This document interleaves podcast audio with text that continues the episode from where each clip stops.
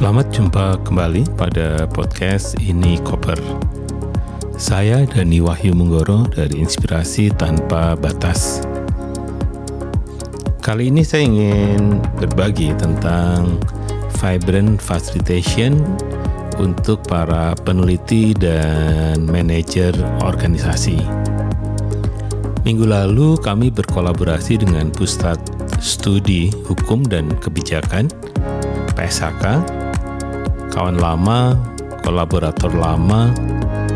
Mereka adalah salah satu organisasi yang memanfaatkan mindset, proses, dan juga teknik vibrant facilitation di dalam cara mereka mengembangkan program dari mulai riset, kemudian pendidikan, dan juga kegiatan lainnya.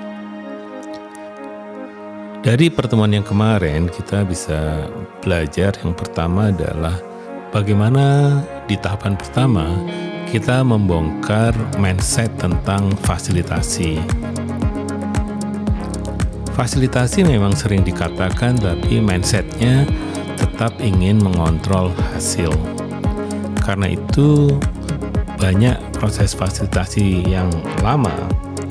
Fasilitator sibuk melakukan framing, mencari informasi, merumuskan batas-batas yang harus dibicarakan, dan pada akhirnya fasilitator terjebak pada pikirannya sendiri.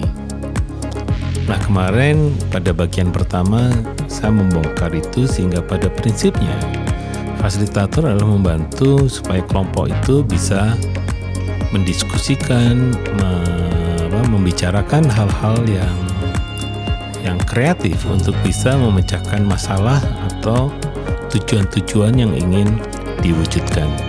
Kalau tidak, kita akan selalu kembali pada default. Tujuannya itu-itu saja dan sangat membosankan. Di bagian yang kedua sebenarnya adalah bagaimana kita berani mencoba kepada peserta untuk melakukan hal-hal yang luar biasa.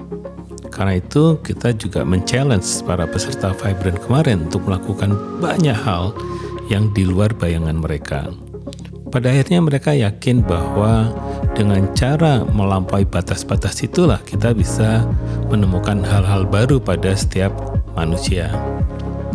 Di bagian ketiga adalah bagaimana kita sebenarnya mengaktifasi peserta supaya mengeluarkan apa yang kita sebut sebagai antusiasme. Kadang ini dianggap sederhana, tetapi pada esensinya apa yang kita bisa bantu sebagai fasilitator adalah membangkitkan keseluruhan energi yang ada pada para peserta untuk bisa memecahkan masalah-masalah dan juga melanjutkan apa pun yang mereka bayangkan sebagai sesuatu yang baru. Dan di bagian akhirlah kita baru menyadari bahwa apabila keseluruhan energi otak kiri dan otak kanan itu sering diaktifasi di dalam sebuah proses fasilitasi, maka kita akan memanen apa yang kita sebut sebagai vibrant. Jadi vibrant adalah satu situasi pada saat otak kiri dan otak kanan diaktifasi bersama-sama, kemudian diberikan tantangan untuk menjawab masalah-masalah secara kreatif dan juga melampaui apa yang kita bisa bayangkan supaya solusi-solusi sosial yang kita ingin wujudkan itu adalah solusi-solusi yang super kreatif.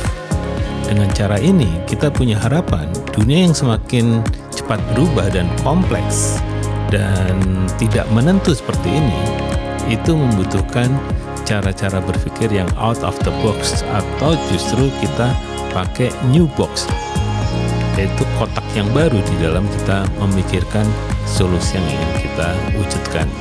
Demikianlah isi podcast kali ini. Sampai jumpa pada edisi berikutnya.